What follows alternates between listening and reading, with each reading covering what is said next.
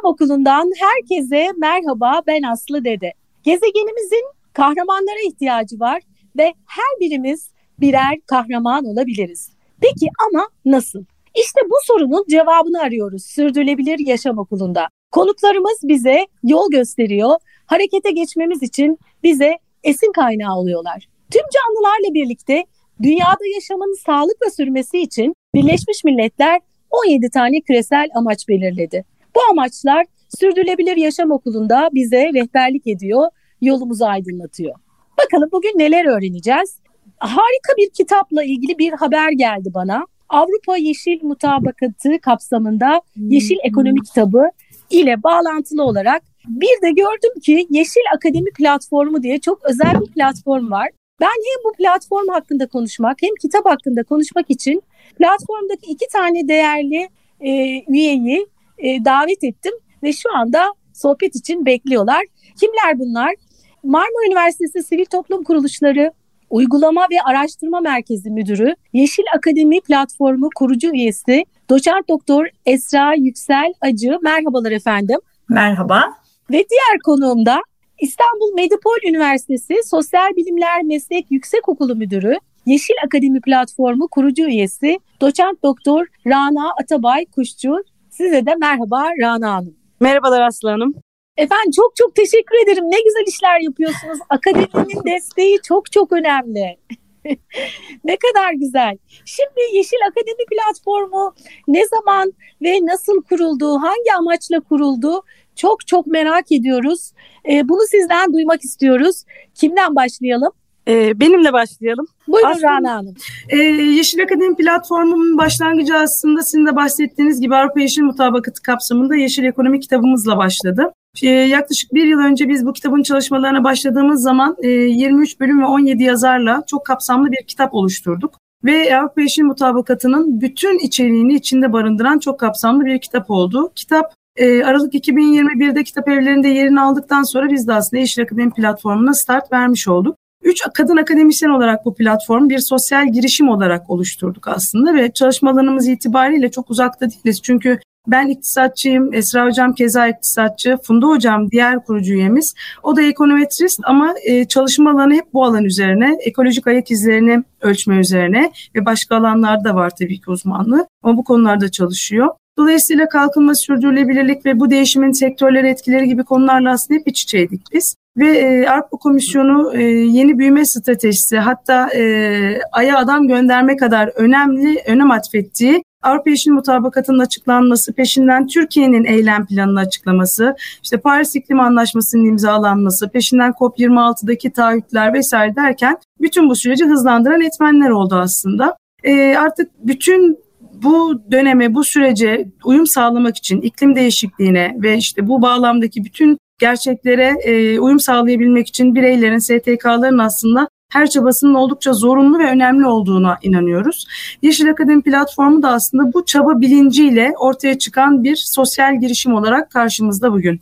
O zaman e, Rana Hanım platformdan önce aslında kitap oluştu. E, kitap platformun kurulmasına sağladı. Ne kadar güzel olmuş. Evet aslında kitap bütün bu projenin yani platformun kılavuz ışığı oldu diyoruz biz. E, öyle adlandırıyoruz. E, önümüzü çok aydınlattı çünkü. E, yeşil mutabakatın da varlığı ve Türkiye'nin aslında içinde bulunduğu süreç ve bu yeşil dönüşüme uyum süreci de bütün bu süreci hızlandırmış oldu. O zaman biraz kitabı öncelikleyelim. E, platformu da biraz aslında konuşmak istiyorum ama öncelikli olarak biraz madem öncesinde kitap o fikri oluştu. E, kitap fikri oluştuğunda kitaptaki konuları ve içinde yer alacak e, katılımcıları belirlerken özellikle nelere dikkat ettiniz? Ee, aslında biz Avrupa Yeşil Mutabakatı kapsamında Yeşil Ekonomi kitabını oluştururken önümüze aldığımız bizim kılavuzumuz Yeşil Mutabakat'tı tabii ki. Avrupa Komisyonu'nun oluşturduğu. Yeşil mutabakatın içindeki başlıkları teker teker inceleyerek bu başlıklar alanındaki uzman akademisyenlerle çalıştık biz kitabı yaparken. Kimi bölümlerimizde tek yazar, kimi bölümlerimizde birden fazla yazarlarımız oldu ama işte e, tarımdan enerjiye, beslenmeden e, ticarete kadar bütün konuları içinde barındıran çok kapsamlı bir kitap oldu. Fikir de dediğim gibi aslında var olması hani bütün zaten bu sürecin içinde var olan e, akademisyenler olarak Sanki bunu yazmak bizim için bir görevdi. E, yazmasak olmazdı gerçekten. Çünkü amaç burada toplumu bilinçlendirmek bir taraftan da. Bu amaçla kitaptaki konuları belirlerken de Avrupa Yeşil Mutabakatı'na esas alarak yaptık ve Türkiye'deki dönüşümün de buna nasıl uyum sağlayacağı da kitabın içinde aslında var. Rana Hanım böyle bir kitap bildiğim kadarıyla ilk defa yani böyle bir yok değil mi benzer? Bu kapsamda bir kitap evet ilk oldu gerçekten. Ee, çok da olumlu geri dönüşler aldık. Ee, hem medyadan geri dönüşler, çok kuvvetli geri dönüşler aldık gerçekten. Hem bürokrasi tarafından e, çok güzel geri dönüşler aldık. Yaptığımız işin gerçekten çok yorulduk ama çok değdiğine inanıyoruz biz. Bu kadar geri dönüşlerle beraber.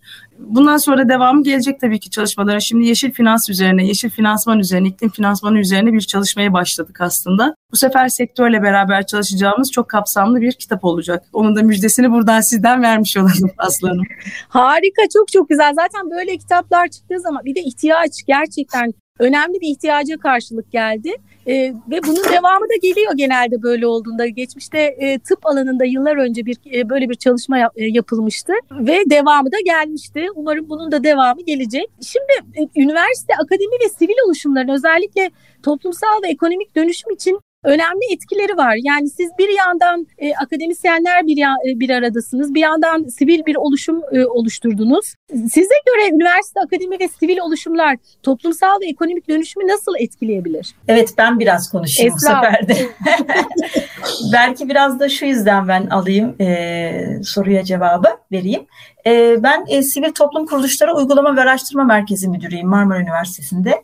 E, zaten evet. kendi uzmanlık alanım da hani genel olarak kalkınma, sürdürülebilir kalkınma ama doktora tezimi sivil toplum kuruluşlarının bu süreçteki e, rolü üzerine yazdığım için belki de görevler hep beni buluyor. Aynı zamanda gönüllülük faaliyetleri koordinatörüyüm. O iki e, başlıkla size cevap vermeye çalışayım neler yaptığımızla ilgili. Böylece hani toplumsal ve ekonomik dönüşüm içinde nasıl bir rol üstlenebileceğimizi ifade etmiş oluruz. Biz de zaten Rana Hoca'nın da söylediği gibi aslında bir yönetişim mantığıyla ortaya çıktık. Hem üniversite kimliğimiz hem akademisyen oluşumuz hem e, aslında Yeşil Akademi platformu diye bir platform oluşturmamız, bir sosyal girişim oluşturmamız sivil toplumcu tarafımızı da, gönüllü tarafımızı aslında yansıtıyor. Aslında üç kimliği de barındırıyoruz. Akademik olarak da sivil toplumla ilgili oluşumuz bu tarafımızı güçlendiriyor açıkçası. Şimdi üniversitelerde neler yapılıyor yapılmakta? Ben kendi özelimden de e, örnek vererek, kendi üniversitemiz özelinde de örnek vereyim. Örneğin çok bilinen hani Rana Hoca da biliyor. YÖK'ün son 5 senede sanırım yanlış hatırlamıyorsam topluma hizmet uygulamaları dersi var. E, bu zorunlu bir ders. Her e, e, bölümde mutlaka dördüncü sınıfta okutuluyor. E, biz bu dersi pratik olarak okutuyoruz. Yani teorik bir şey anlatmıyoruz öğrencilere. Belki bir saat ilk giriş dersinde gönüllülük nedir, sivil toplum nedir bir parça değinmekle birlikte aslında öğrencilerimize çeşitli projeler yönlendiriyoruz. Ben son birkaç senedir bu sürdürülebilir kalkınma amaçlarını özellikle baz alıp bu başlıkların altındaki farklı STK'lara veya kamu kurumlarının sosyal birimlerine öğrencilerimi yönlendiriyorum. Bir kere öyle bir bilinçlendirme oluşturmaya çalışıyoruz. Diğer bölümlerde hocalarımız da yapıyor. Yakinen tabi, takip ediyorum çünkü gönüllülük faaliyetleri koordinatörü olduğum için temastayım. Onun dışında fa, e, gönüllülük faaliyetleri koordinatörlüğünün örneğin 1911 adet gönüllüsü var Marmara Üniversitesi çatısı altında. E, hem akademisyenlerden hem idari personelden hem de çokçası öğrencilerden oluşan bir gönüllü stoku diyebiliriz. Çok güzel. Sayı bayağı fazla. evet evet evet. Biraz pandemiden dolayı tabii ki iki senedir e, ufak tefek sorunlarımız oldu. Yani projelerimiz bir parça aksadı aksamadı diyemeyeceğim.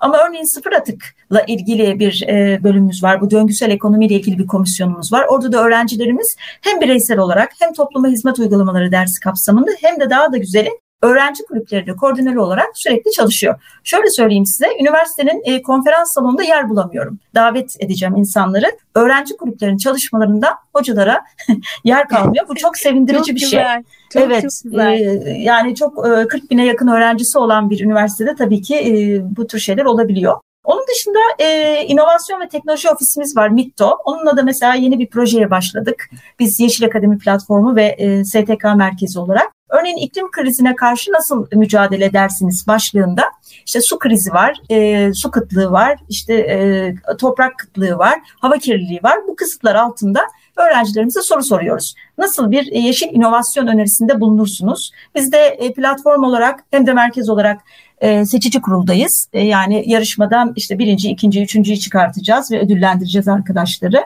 Görünür kılacağız medyada. Bu tarz farkındalıklar yapıyoruz. E, akademi ne yapıyor? Akademi bilgi üretiyor. Rana Hocam çok güzel izah etti zaten. Biz bilgi üretiriz, eğitim yoluyla yayarız. Her birimiz derslerimizde zaten ifade ediyoruz. Ben kalkınma hocasıyım. Aynı zamanda sürdürülebilir kalkınma ve yeşil ekonomi yüksek lisans dersi veriyorum. Dolayısıyla bu alanı elimden geldiği kadar üniversitede öğrencilerimize yaymaya çalışıyorum. STK'larla işbirliğimizde gayri ihtiyarı oluyor dediğim gibi yani gönüllü kuruluşlar olmadan çünkü toplumsal dönüşümü sağlamak mümkün değil. Niye değil? Çünkü kamuoyunu aslında sivil toplum oluşturur. Yani üniversiteler bilgi üretir ama bizim katalizörümüz her zaman sivil toplumdur. Ee, hem eğitim verir sivil toplum hem farkındalık yaratır. Ee, şu an sizin yaptığınız da bir sivil toplum hareketi. Hem de kamuoyu oluşturur. Yani aslında bir nevi e, denetçidir sivil toplum. Neyi nasıl yapıldı? Yani biz burada yazarız AYM'yi. Devlet bunun ilgili kurumlarını oluşturur. Sivil toplumda denetler aslında. Farkındalık yaratır ve denetler. Böyle açıklayabilirim. Evet, e, peki e, platformda kimler var ve kimler olabilir? Yani ben e, Yeşil Akademi platformuna katılmak istiyorum, çalışmak istiyorum diyen e, kimler olabilir? Hani böyle bir kurallar belirlediniz mi? Yani şimdi tabii ki biz akademik e, kimliğimizle girdik ve oluşturduk bunu, o ruhla oluşturduk ama sivil e, ruhumuz da var. Dolayısıyla sivil toplum içerisinden de, akademinin içerisinden de, öğrencilerin içerisinden de, sektörden de herkese açığız. Yani dolayısıyla hani biz zaten yazarlarımızla birlikte bir platform oluşturduk elbette ama e, onun dışında da e, toplumu oluşturan her kesimden insanları açığız aslında. Evet e, aslında bu noktada şunu da e, hatırladım. E, geçtiğimiz podcast'te çok değerli eski dostum iletişimci ve araştırma uzmanı ve sürdürülebilirlik uzmanı Ali Gizer konuğumdu. O önemli bir yüzde verdi. Dedi ki sürdürülebilirlik de aslında işin yüzde beşi mühendislik. Yani aslında teknik olarak yapılacak pek çok şey biliniyor, belirli. Ama bunun yüzde 45'i yaşama geçirmek için cesaret ve yüzde 50'si de iletişimle cesaretin desteklenmesini sağlamak dedi. Ne diyorsunuz? Ben hemen bir şey söyleme ihtiyacı hissettim Rana Hocam. Kusura bakma hani e, çok güzel bir soruydu çünkü. ee, şimdi e, 1987 benim birinci sınıfta olduğum yıl. Üniversite bir.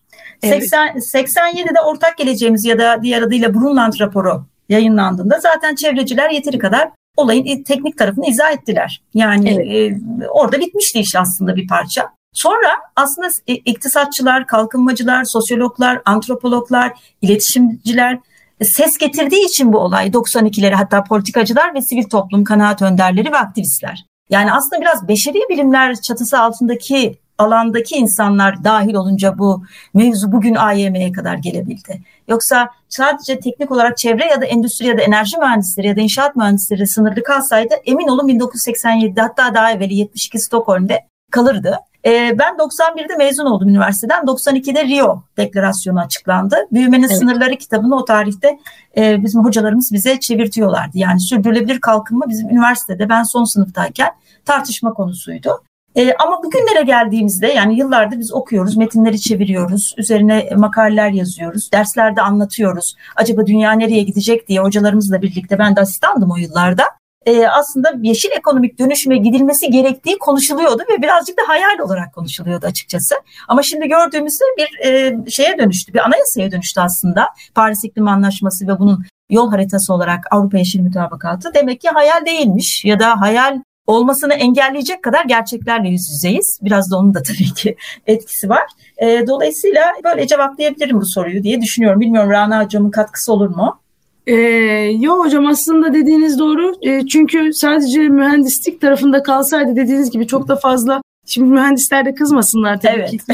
Ama hocam bu arada araya gireyim özellikle altını çizeyim. Ali Gizer bunu önemsiz olduğu için yüzde beş e, demiyorum dedi. Gerçekleştirilebilmesi için bu işin aslında e, zaten her şey çizilmiş. Hani o yüzde beşlik kısmı e, küçümsemek için söylemiyorum dedi. Onu da altını çizmek gerekiyor. Evet işte tam, tam da dediğiniz gibi aslında biz de küçümsemek amacıyla söylemiyoruz ama gerçekten mutlaka mutlaka bilim içinde beşeri sermayeye de ihtiyaç var. Üretim içinde nasıl ihtiyaç varsa beşeri sermayeye Bilim için de beşeri sermaye gelişmesi için ihtiyaç var. Dolayısıyla bizim bugün yaptığımız kitap ve bizimle beraber diğer bilim adamlarının, diğer yazarların bu konularda yazdıkları yazılar aslında bütün bu sürecin hızlanmasını ve bilinçlendirmenin hızlanmasına neden olan faktörlerden aslında. Evet yani hem sivil oluşum hem kitap e, ya da bizim burada yapmaya çalıştığımız o yüzde 45 olan yaşama geçirmek için cesaret ve yüzde 50 olan iletişim için cesaretin desteklenmesini sağlamak konusunda hizmet ediyor hocam. %95'lik kısımdayız aslanım zannediyorum. Evet evet. Bence de. evet e, şimdi o zaman e, biraz e, ya kitaba doğru e, geçelim. Avrupa Yeşil Mutabakatı üzerine oluşturuldu kitap. Avrupa Yeşil Mutabakatı sizce Türkiye'ye nasıl yansıdı? Biz e, ne durumdayız? Bunu kim cevaplamak ister? Ee, Buyurun Esra Hocam. Ben mi cevaplayayım? Buyurun Peki. Hocam. Tamam. Esra Hocam buyurun. Ee, aslında yakın tarihte e, iklim yasası e, çıkacak. Dolayısıyla biz hatta Rana Hocam'la iklim şurasındaydık. E, Yeşil Finansman ve Karbon Fiyatlaması Komisyonu'ndaydık. Orada sırf bu komisyon yoktu. Kuşkusuz iklim değişikliği ile ilgili, sera gazı azaltımı ile ilgili, göç ve diğer sosyal politikalarla ilgili de komisyonlar vardı farklı başlıklarda. Orada hem sivil toplumdan hem sektörlerden hem kamu kurumlarından hem de üniversitelerden komisyon üyeleri tartıştılar. Bir, bir metin oluştu. Bu metin e, 2002 yıl 2022 yılı sonu veya 2023'te yasalaşacak aslında. Bir e, bu bu anlamda bence çok ciddi bir yol alındı diye düşünüyorum ben. Türkiye'ye böyle bir yansıması oldu AYM'nin. Neden? Çünkü e, çok e, geçer bir sebep var. Hani biraz böyle farkındalıktır, sürdürülebilir kalkınmadır falan diyoruz ama bir de işin e, reel boyutta şöyle bir e, çıktısı var. Türkiye'de en çok ihracat COBİ'ler tarafından yapılıyor ve en çok ihracat yaptığımız e, coğrafi bölgede Avrupa ülkeleri, Avrupa Birliği ülkeleri daha e, somut ifadeyle. Dolayısıyla bizi bağlayıcı bir durum var. Yani biz eğer e, sınırda karbon vergisi uygulamasıyla karşı karşıya kalırsak ihracatımızda ciddi anlamda düşüş meydana gelecek. E, bu yüzden de dönüşmek zorundayız. Yani hani e, hep beraber dönüşmek zorundayız. Bu böyle doğayı tahrip etmemeliyiz. iklim krizine karşı mücadele etmeliyiz. Evet hani öyle üst perdeden konuşuyoruz ama Kobiler için hani bu çok uzakta geliyor. Ya iklim değişiyor. Ya ne olacak ki canım filan gibi düşünebilirler. Romantik bir şey gibi düşünüyorlar. Roman evet çok güzel ama trajikomik olabilir. O yüzden o yüzden e, aslında bu değişiklik onları yakinen ilgilendiriyor. Zaten Kobi e, temsilcileri de yoğun bir şekilde iş dünyası temsilcileri de yoğun bir şekilde sizler de takip ediyorsunuzdur. Eğitimler veriyorlar, e, söyleşiler yapıyorlar, konferanslar yapıyorlar. E, raporlar yayınlıyorlar sürekli. Yani iş ciddiye varmış durumda. Onun için Türkiye'de bu anlamda bir mesafe kat edildiğini düşünüyorum. Öte yandan da işte bizler konuşuyoruz, eğitimler veriyoruz, öğrencilerimizle beraberiz. Ee, ilkokullarda, ortaokullarda çevre ekonomisi, e, çevre e, dersi kondu. Ekonomisi değil de çevre dersi kondu. E, bu Milli Eğitim Bakanlığı'nda sürece dahil olduğunu gösteriyor. E, ben alışveriş merkezlerinden bir tanesi mesela e, iklim, e, Çevre Şehircilik ve İklim Değişikliği Bakanlığı'nın bir e, standını gördüm. Çocuklara iklim değişikliğini anlatan bir stand gördüm. Mesela o da hiç bir AVM'de böyle bir şey görmemiştim. Dolayısıyla hani e, bu tarz bir e, oluşum içerisindeyiz. Öte yandan bazı kamu kurumlarında örneğin Merkez Bankası'nda bile sürdürülebilirlik ve yeşil ekonomi birimi açıldı. Enerji Piyasası Denetleme Kurulu'ydu yanlış hatırlamıyorsam Rana Hocam. Karbon evet. piyasası üzerine birim açıldı. Evet. Dolayısıyla kamu kurumlarında da böyle alt birimler, alt komisyonlar açıldığı için e, AYM'nin bence Türkiye'ye kurumsal dönüşüm anlamında e, büyük bir katkısı olduğunu düşünüyorum. Tıpkı Avrupa Birliği uyum süreci gibi aslında 2001'lerde başlayan. Buraya ekleyebilir miyim izninizle hocam? Tabii Şimdi tam da dediğiniz gibi aslında burada en büyük sancıyı çekecek olan aslında COBİ'ler, küçük orta ölçekli e, işletmeler. Çünkü bu dönüşüm onlar için oldukça sancılı olacak gibi görünüyor. Zaten yıllardan beri aslında STK'lar yani bütün bu yeşil dönüşüm sürecini diyeyim takip eden STK'ların kurumsal şirketlerin olduğunu hatta bunların 10 yıllarca e, raporlamalar yaptıkları sürdürülebilir raporları diye 9. 10. 15. raporlarını yayınladıklarını görüyoruz.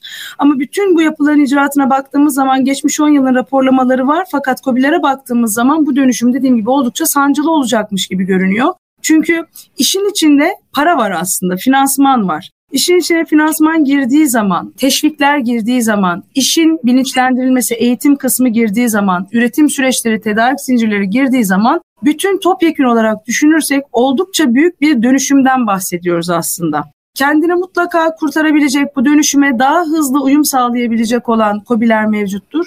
Ancak bununla beraber bu süreçten bu kadar kolayca çıkamayacak olan COBİ'lerin de varlığı maalesef ki Türkiye'de mevcuttur şu anda. Hep biz karbon nötr bir ekonomi olacak diyoruz. Bunun gerçekleşmesi için de artık şunu biliyoruz. Herkesin elini taşın altına koyması gerekiyor ve ülke olarak elimizi artık taşın altına koymamız lazım. Yeşil ve hatta dijital dönüşüm diye de bahsettiğimiz bu dönüşüm aslında topyekun Türkiye'nin gerçekleştireceği bir dönüşüm olarak adlandırmak herhalde yanlış olmayacaktır diye düşünüyorum. Evet, evet hocam şimdi biz e, her e, çarşamba günü Süper FM'de sabah kuşağında canlı yayında podcastlerimizden e, konuşuyoruz.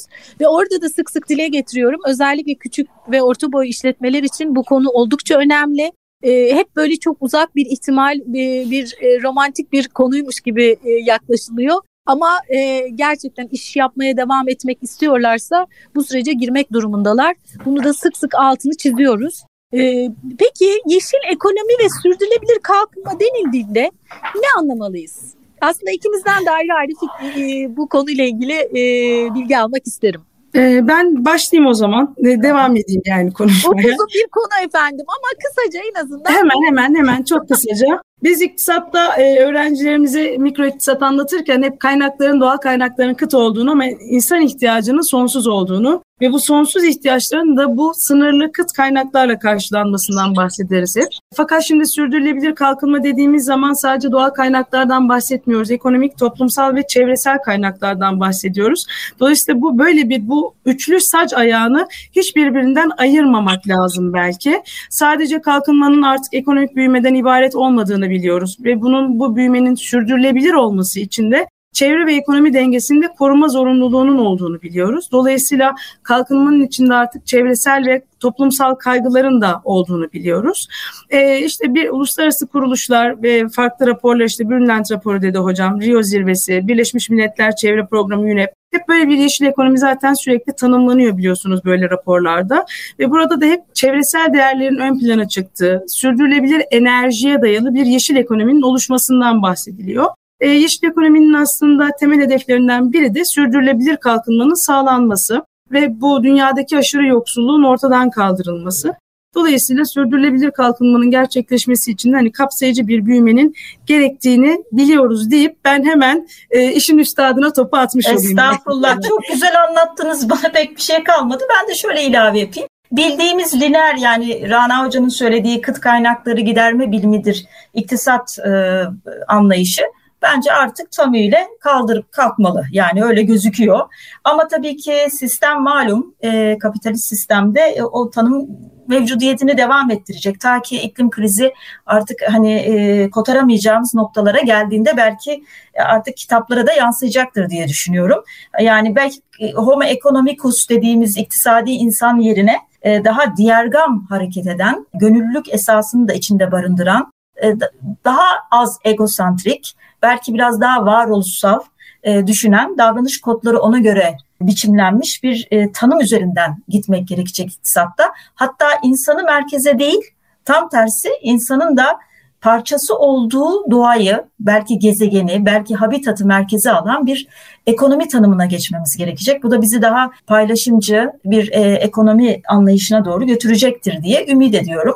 Böyle olur sürdürülebilir kalkınma. Benim aklımdaki sürdürülebilir kalkınma tanımı bu aslında.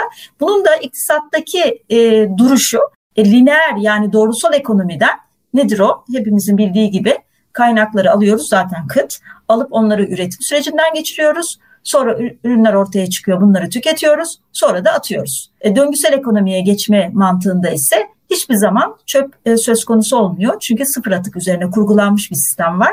O da ne? Yine kaynaklar alıyoruz ama kaynaklar alırken daha yenilenebilir enerji kaynaklarını alıyoruz örneğin. Ya da endüstride simbiyoz yaparak e, bu kaynak tedarikini sağlıyoruz. Yani kaynak verimli ve enerji verimli bir yol izliyoruz. Yine üretim sürecindeyiz ama daha sınırlı üretimler içindeyiz. Belki e, eskiyip attığımız şeyleri atmamayı, tekrar kullanmayı öğreniyoruz. Dolayısıyla sınırlı üretim aynı şekilde sınırlı tüketiyoruz. Tükettiklerimizi çöpe basmıyoruz. Ne yapıyoruz? E, mutlaka bakım ve onarımdan geçiriyoruz. Başka bir şeye dönüştürüyoruz. Defalarca kullanıyoruz dönüştürerek. Sonra geri dönüşüme ve sonra tekrar e, üretim sürecine aktarıyoruz. Yani sürdürülebilir kalkınma aslında döngüsel ekonomi mantığı oturduğu zaman tam manasıyla oluşacak bir e, paradigma diyebilirim. Diğer boyutları yani 17 tane amaç var ama aslında hepsi bu sistemin üzerine oturuyor. Yani biz sorumlu üretim ve tüketime geçtiğimiz zaman iklim değişikliği sorunu zaten otomatikman nispeten azalacaktır. Ortadan kalkması mümkün değil gibi gözüküyor. Yoksulluğa son, açlığa son, nitelikli eğitim, sağlıklı bireyler, toplumsal cinsiyet eşitliği ben bu konuda çok seviyorum. Yeşil ekonomiyle de çok yakından ilintili. Başka bir başlık ama belki. E, dolayısıyla diğer amaçlar paydaşlarla ortaklaşmak, sudaki ve karadaki biyoçeşitliliği korumak hepsi aslında hani e, domino etkisi gibi çözülecektir diye düşünüyorum. Yani bir numaranın sorumlu üretim ve tüketim olduğuna inancım sonsuz bu noktada üretici ve tüketici tanımı da değişecek belki hocam değil mi? Kesinlikle. Yani biz yıllardır aslında e, programlarımızda türetici diye bir e, kavramdan da söz ediyoruz. evet. e, belki üreticinin hani adı ve aynı zamanda tanımı da üretici ve tüketicinin değişmiş olacak döngüsel ekonomiyle evet, beraber. Evet, türetici gibi. Türetim ekonomisi, paylaşım ekonomisi çok doğru söylediniz.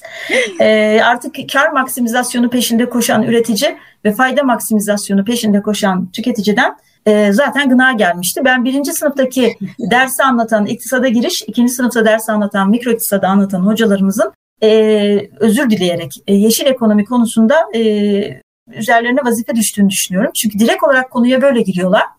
E, bunun problem çocuk öğrenciler e, dördüncü sınıfa geldiklerinde bu kavramlarla tanışıyorlar. Çok geç oluyor. Hani altı çok geç deriz ya ilkokuldan önce hani okul öncesi eğitimde. Evet, evet çok haklısınız evet. hocam. Birinci Çok sınıftan haklısın. başlaması lazım yeşil ekonominin. O kurgunun Hocam, oturması ekonomi, lazım. Ekonomi biliminin tanımını değiştireceğiz herhalde tabii, artık. Tabii. Böyle böyle o, değişecek işte derslerde. Evet, evet, hem anlatımını şimdi diyorum yani yıllardan beri e, iktisat anlatıyorum ben de hocam da. Dolayısıyla hep anlatırken bunları anlatıyoruz zaten ama artık bu tanımların hepsinin değişmesi ve hocamın da dediği gibi sil baştan belki yeni bir ekonomi dersi tanımlanması lazım. Kesinlikle. Yani o iktisada giriş kitaplarının tümüyle yeşil ekonomi mantığını evet. da en azından bir ünitede belirtmeleri lazım. Hani e, hala standart iktisat çok güçlü Rana Hocam ama alternatif iktisadı, e, kurumsal davranışsal iktisadı çünkü bunların hepsi oraya dayanıyor. Aslı Hanım'ın söylediği türetim ekonomisi, paylaşım ekonomisi. Hepsi kurumsal iktisat ve özelde de davranışsal iktisat paradigmasına dayanıyor. Onlar da çok güçlü geliyorlar.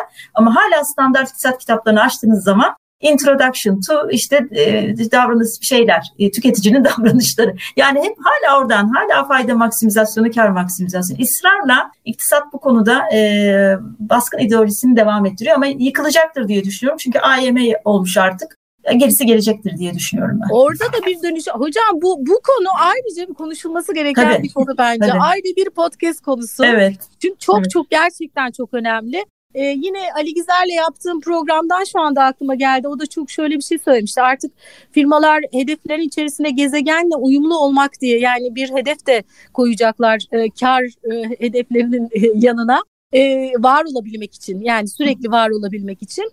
Dediğiniz gibi şu an aklıma da şey geldi. Ben de e, 88 girişliyim İstanbul Üniversitesi Siyasal Bilgiler Fakültesi Kamu Yönetim bölümüne.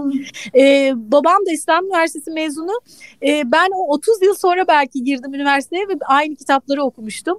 E, yıllardır da iktisat konusunda da sanırım kitaplarda çok büyük değişiklikler olmadı içerikte. A, yurt dışında Avrupa'da e, bu e, yani dünyanın diğer ülkelerinde nasıl gidiyor bilmiyorum ama bu konu gerçekten çok önemli bir konu. Burada bir değişime ihtiyacımız olduğu çok kesin görünüyor. Evet. Çok e, Ömer Bey'in söylediği de çok değerli. Gezegeni dikkate almak. Hani çok da sevdiklerinden değil de ben biraz eleştireceğim burada.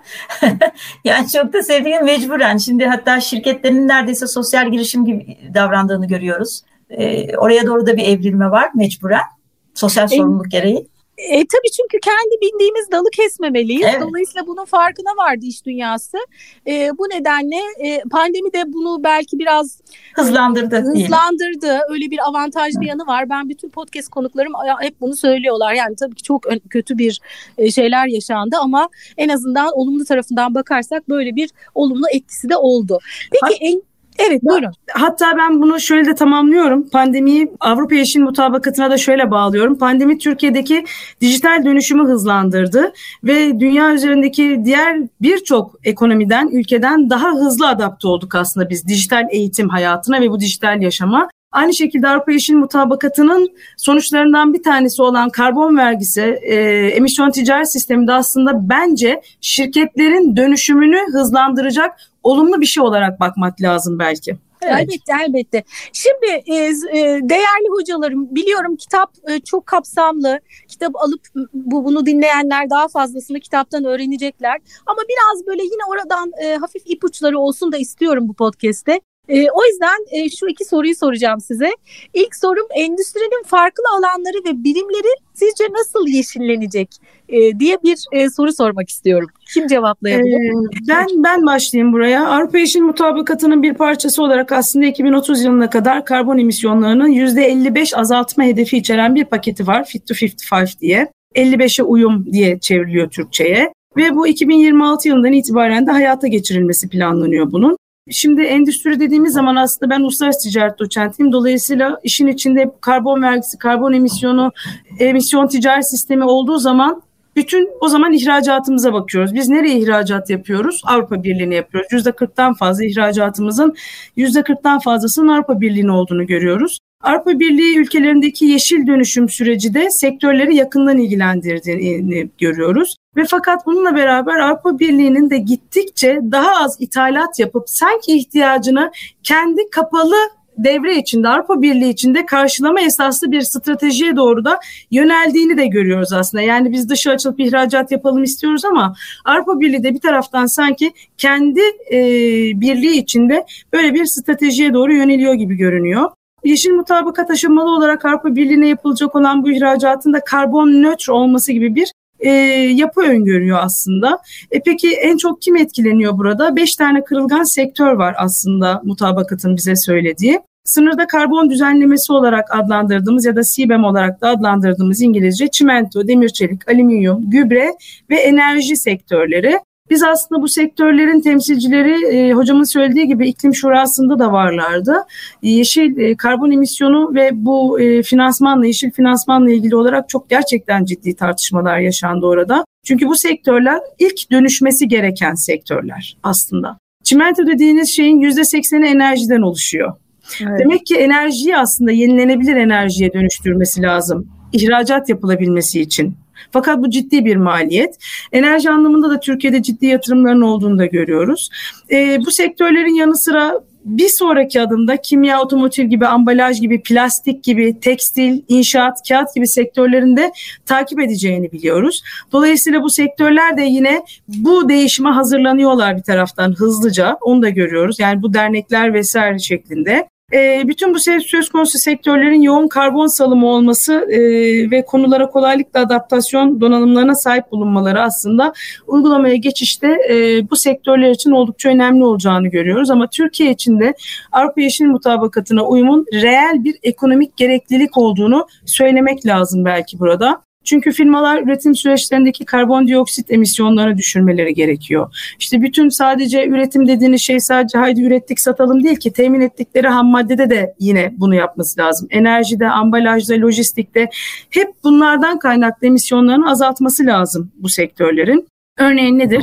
Tükettiği elektriği işte yeşil enerji santralinden aldığına dair belki bir sertifikalandırma önemli olacak, önemli hale gelecek. Bu onun karbon emisyonunu, karbon salımını, karbon ayak izini firmanın aslında düşüren bir etken olacak. Bunun da ötesinde tedarik zincirlerini de bu süreçten ayırmamamız lazım. Aslında tedarikçilerin de yine bu sürece, bu firmaların, bu e, şirketlerin tedarikçilerin de yine bu doğrultuda yönlendirmeleri gerekecek. En büyük risk bizim sınırda karbon düzenlemesi gibi görünüyor şu anda Avrupa Yeşil Mutabakatı açısından ve e, bu düzenleme nedeniyle de aslında rekabetçiliğimizin zarar görmemesi gerekiyor. E, rekabet edebilir konumda olmamız gerekiyor. Ee, yine iklim şurasında konuşulan konulardan bir tanesi de Avrupa Birliği'nin uyumlu emisyon ticaret sisteminin ivedilikle hayata geçirilmesiydi. Henüz sonuçlar açıklanmadı. O yüzden ben de oradan çok fazla tüyo vermek istemiyorum yanlış e, olmasın diye.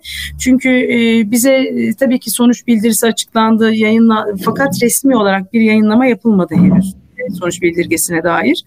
E, sektör özelinde de yenilenebilir enerji yatırımlarının yapılması lazım. Enerji verimliliği çalışmalarının hız kazanması lazım. Tüm değer zincirlerini karbonsuzlaştıran faaliyetlere yönelmesi lazım bütün bu şirketlerin.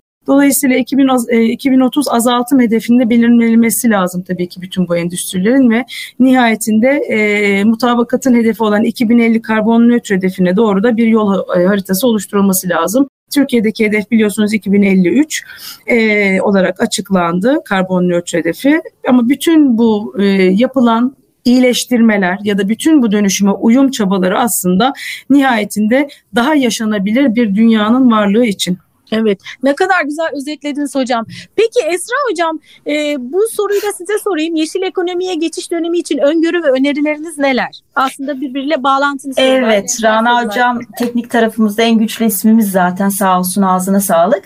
Şimdi e, devletin de bir açıklaması var. Tarihi sorumluluğu yok e, Türkiye'nin diye. Hakikaten baktığınız zaman e, sanayi devriminden bu yana e, sera gazı etkisinde %0.7 gibi çok düşük bir paya sahibiz aslında. Açıklanan e, rakamı söylüyorum. OECD ülkelerinde bu %10'ların üzerinde %12'lerde.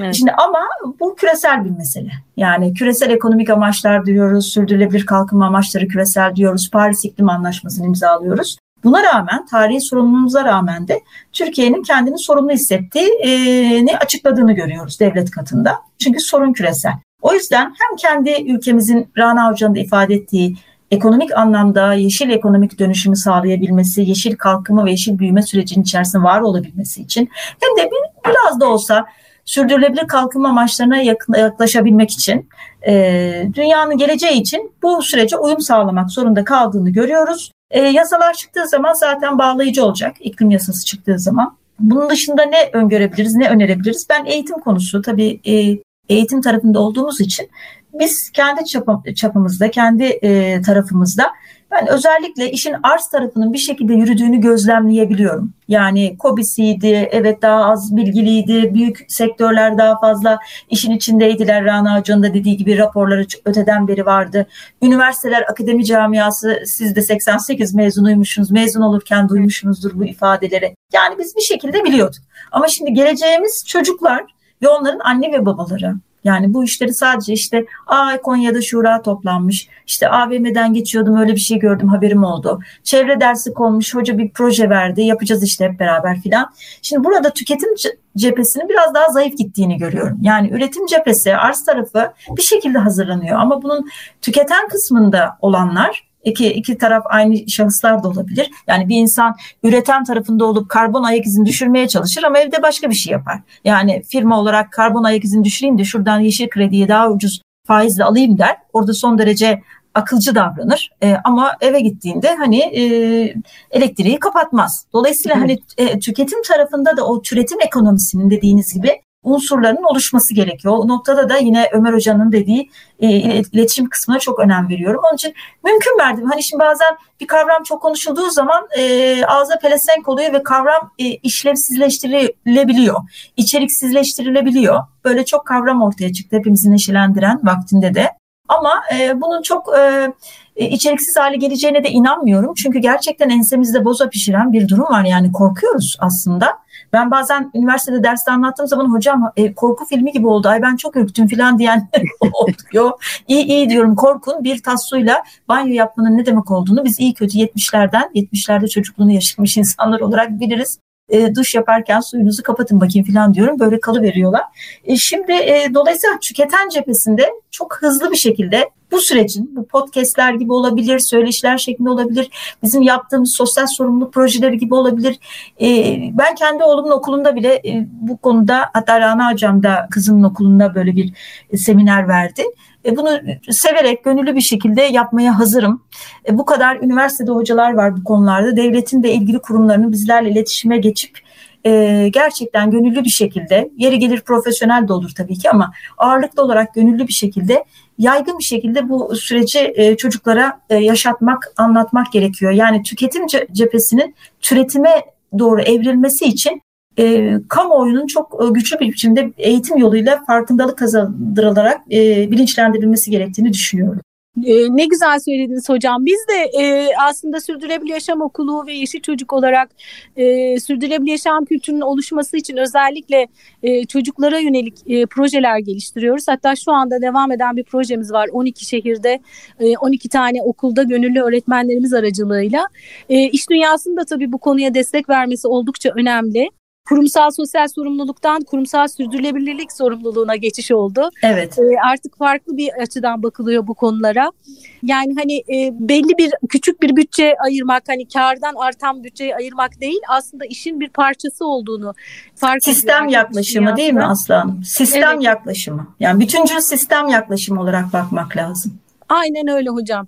O kadar güzel gidiyor ki sohbet. Ama ben böyle artık ya bu yetmedi. Bence bizim e, birkaç podcast daha e, birlikte yapmamız e, gerekiyor. Olur seve seve. Seve seve. Şimdi iki hocayı bir arada alınca tabii bir de e, o da yetmiyor.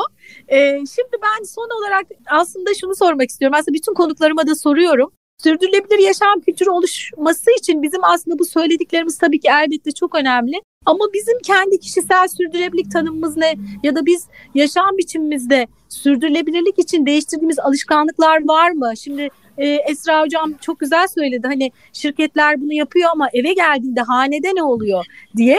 Siz ne abi şimdi siz de böyle konuşuyorsunuz konuşuyorsunuz ama hanelerinizde ne yapıyorsunuz? Eyvah sorguya çekildik Aslı Hanım evet. Vallahi biz e, yani Esra Hocam'la beraber ben Esra Hocam şöyle söyleyeyim hocam özür dileyerek söylüyorum ama ben öğrenciyken Esra Hocam e, asistan benim hocamdı. Evet. Dolayısıyla aramızda böyle bu kadar eskiye dayanan bir e, muhabbet de var aslında Esra Hocam'la. O, ona bu samimiyete de e, inanarak ve güvenerek söyleyeyim. Ben hemen benim üç kızım var. E, Esra Hocam'ın bir oğlu var. En büyüğü 15 yaşında benim kızımın. Oradan başladım ben eğitime öyle söyleyeyim size. Maşallah. E, hocamla beraber çocukları hem biz kendimiz evde zaten bilinçlendirmeye gayret gösteriyoruz ama konuyu bir de dışarıdan biliyorsunuz çocuklar anne babadan dinlemeye pek meraklı değiller. bir de dışarıdan başka e, ikinci bir gözden de dinlesinler diye aslında başka yerlerde seminerler varsa mutlaka bilinçlendirme anlamında biz çocuklarımızı gönderiyoruz. Birincisi bu bu tarafta bilinçlendirmek anlamında. Evde eğitim eğitim gerçekten evde başlıyor. E, kapattığı ışıktan kapattığı musluğa kadar, yediği yemeğe kadar, hareketine kadar, işte evimizde bir köpeğimiz var, o köpekle alakalı yaptığı işlemlere kadar, bütün her şeyi aslında teker teker teker teker işte asıl atık nedir? Benim 3 e, yaşında kızım var o da gelmiş bana geçen gün diyor ki anne biz sularımızı kapatmalıyız çünkü musluğumuzdan su akmaz bir daha diye. Gerçekten eğitim gerçekten evde başlıyor ve çocuklara biz bunu öğretebilirsek eğer anlatabilirsek yaşamlarının bir parçası haline getirebilirsek doğanın bizim için ne demek olduğunu, doğanın bize verdiklerinin ne olduğunu anlatabilirsek, gösterebilirsek herhalde çok güzel bir gelecek olacak çocuklarımız için. Çünkü bizim yaptığımız her şey, e, anlattığımız, verdiğimiz eğitimler ülkemizin ve aslında çocuklarımızın geleceği için. Nihayetinde biz bugün varız. Bundan sonra çocuklarımız, çocuklarımızın çocukları. Herkes mutlaka geleceği düşünerek kaynaklarını kullanmalı. Çünkü sadece bir doğal kaynak değil aslında. Bütün bu doğal kaynaklar üzerindeki zararımızı yapabileceğimizin en iyisi oranında azaltmamız gerekiyor aslında. Sadece doğaya saygılı bir yaşam, sürdürülebilir bir yaşam için belki çok eksik bir tanım olur. Bununla beraber sosyal eşitlik, ekonomik faktörleri de göz önünde bulundurmak gerekiyor. Dolayısıyla attığımız her adımı çevre bilinciyle, ekonomik kalkınmanın, toplumsal yaşamın bir arada olmasına yönelik olarak atmamız gerekiyor. İşte dediğiniz gibi yoksa hani ayrıştırma vesaire hani yapılması gereken her şeyi biz kendi elimizde çocuklarımıza da göstermek amacıyla yani ben kendi adıma söyleyeyim zaten yapıyoruz. Ee, onların da hem arkadaşlarına hem çevrelerine göstermelerini ya da konuşmalarının bir yerinde ya bak biz evde böyle yapıyoruzu söyleyerek aslında başkalarına aktarmalarını bekliyoruz açıkçası. Evet, e, e, şeyin Uygar Özesmi'nin güzel bir e, tabiri var. Ben kışkırtıcıyım diyor. Kışkırtmalarımız gerekiyor. evet, çok güzel. Esra Hocam, siz neler söylüyorsunuz? Evet, şimdi Rana hocamın söylediği çocuklarla ilgili olan kısmı e, tekrar etmeyeyim. Ben de benzerlerini yapıyorum oğlumla ilgili. Ben bir değişik bir şey e, başıma geldi. Hani kendim de çok düşünerek olmadı ama böyle söyleşiler yapıyorum. Yeşil Akademi platformunun söyleşileri var. E, bu söyleşiler sırasında işte biz beş daireli bir apartmanda oturuyorum. Komşularımı uyardım. Böyle WhatsApp grubumuz var. Dedim ki ben söyleşi yapacağım. E şu şu saatler arası ne olur hani iner çıkarken dikkat edelim gürültü yapmayalım falan. ben de apartmanın en büyüğüsü, büyüğüm. Yani Esra abla, Esra abla, Esra teyze durumum var komşularımdan biri dedi ki ya Esra hocam dedi e, tamam sessiz kalalım ama bunun bir nimetinden de biz de yararlanalım. Bizim çocuklar için de böyle bir şey düşünür müsün? Aa, çok ya hoşuma ne gitti. kadar güzel. Evet evet. Ben şimdi bu ara tatil biliyorsunuz yarın tatile giriyorlar bir hafta çocuklar. O evet. bir hafta boyunca onlarla döngüsel ekonomiyi anlatacağım onlara bahçede. E, güzel hatta geri dönüşüm kutularıyla başlatacağım önce. Kendileri yapacaklar kartondan işte üzerine çizdireceğim, geri dönüşüm işaretini öğreteceğim. Bir hafta boyunca yapacağız ve bunu devamlılığını sağlamaya çalışacağız. Ben kontrol edeceğim. Şimdi hocayım ya, Mahmut Hoca gibi korkuyorlar. Benden ötleri kopuyor, hoca geliyor diye. Şimdi böyle böyle e, zamanla 17 amaca kadar da getireceğim onu. Aklımda çok enteresan fikirler var. Sürekli kavga ediyorlar. Mesela e, yönetişimi anlatacağım onlara. Beraber düşünmeyi, beraber karar almayı, apartmanımız için en güzel olanı düşünmeyi, toplumsal Hocam, cinsiyet en eşitsizliği önemli konu, Tabii. birinci konu o. Evet. To- toplumsal cinsiyet eşitsizliği de görüyorum. O konuda da o kız çocuklarını ezdirmeyeceğiz. O konu benim en hassas konum. Oralarda da olacağız. Yeşil ekonomik dönüşümün e, mutlak suretle eril ve dişil enerjilerin birbirine dengelendiği bir dünyada mümkün olacağına canı gönülden inanan biriyim. O yüzden ben sizin e, sürdürülebilirlik tanımınızı öyle cevaplamak istiyorum. Yani hani çok bilinen amiyane sürdürülebilir kalkınma tanımı var zaten herkesin malumu olan. Ama ben insanın da parçası olduğu yani bütün ekosistemi merkeze alan bir anlayış olarak görüyorum sürdürülebilirliği. Ee, yani insanı e, metalaştıran bir anlayışın değil ki onun bizi nereye getirdiği aşikar hepimiz yaşıyoruz. Ee, dolayısıyla meta merkezli değil hatta insan merkezli de değil. Çünkü insan merkezlilik de yanlış e, anlaşıldı. Evet, Amartya evet. senin Evet. Evet, Amartya senin insan merkezliliği de e, çok e, insanı yine metalaştıran, beşeri sermayeye sadece indirgeyen, elbette beşeri sermaye tarafı önemli, beşeri beceriler önemli ama sadece beşeri sermaye indirgediğimiz zaman da insanı birazcık nasıl diyelim putlaştırıyoruz. İnsan bu gezegenin bir parçası Ha, evet. ve hayvanlarla. Tüm canlılarla birlikte paylaştığı, Tabii. paylaşıyoruz. Evet. Tabii o yüzden ben e, nasıl diyelim habitatı veya ekosistemi merkeze almanın e, önemli olduğunu düşünüyorum. Gerçek dönüşümün böyle olacağını inanıyorum. Bunun için de dediğim gibi illa bu lafa getiririm şimdi Rana hocam gülüyordur orada kıs kıs. E, yeşil e, dönüşümün gerçekten bir dönüşüm olmasını istiyorsak egonun ön planda durduğu maskülen enerjinin biraz geri düşmesi, geri gitmesi, dişil, yaratıcı, şifacı, birleştirici, onarıcı, döngüsel ekonomi onarıyor. O zaman dişille eril arasındaki bu dengesizliğin de e, ortadan kalkmasını diliyorum. Diliyorum değil, bunun için çaba sarf etmemiz gerektiğini düşünüyorum. Hocam bu da çok güzel ayrı bir podcast konusu. Evet, podcastlere doyamadık. Harikasınız. Çok çok çok e, güzel bir podcast'ti benim için. Çok çok teşekkür için de. ediyorum verdiğiniz değerli bilgiler için ikinize de. Biz Sağ olun. teşekkür ediyoruz. Biz de teşekkür aslında. ediyoruz. Enerjiniz harika. Efendim kadınlar, üç kadın bir araya geldik. Enerji güzelce yükseldi. Evet. Oldukça da uzun konuştuk. Bir başka podcast'te yine buluşmak isterim. Ayrıca birlikte başka şeyler de yapacağımızı e, tahmin ediyorum. Evet, E, evet. öyle görüyorum şu anda öyle hissediyorum. Ben hemen bir tanesini kaptım Rana Hocam sen bağlantıdan düştüğünde. Yeşil Akademi Söyleşileri Mayıs ayında Aslı Dede'yi konuk edeceğim. Şahane. Evet. Evet, evet. E, beraber e, Tamam. ve bir- e, zaten işte amaçlar için ortaklıklar 17 üzerinden Evet. gidiyoruz hep beraber. Evet. Evet. bir bölümün daha sonuna geldik. Bize nasıl ulaşabilirsiniz? Sosyal medyadan Sürdürülebilir Yaşam Okulu yazarak ya da sürdürülebiliryaşamokulu.com adresinden bize ulaşmanız mümkün. Ben Aslı Dede. Bir sonraki bölümde buluşmak üzere demeden önce başta ne söylemiştik? Tüm canlılarla birlikte dünyada yaşamın sağlıkla sürmesi için gezegenimizin kahramanlara ihtiyacı var. Ve o kahraman sen olabilirsin. Harekete geç.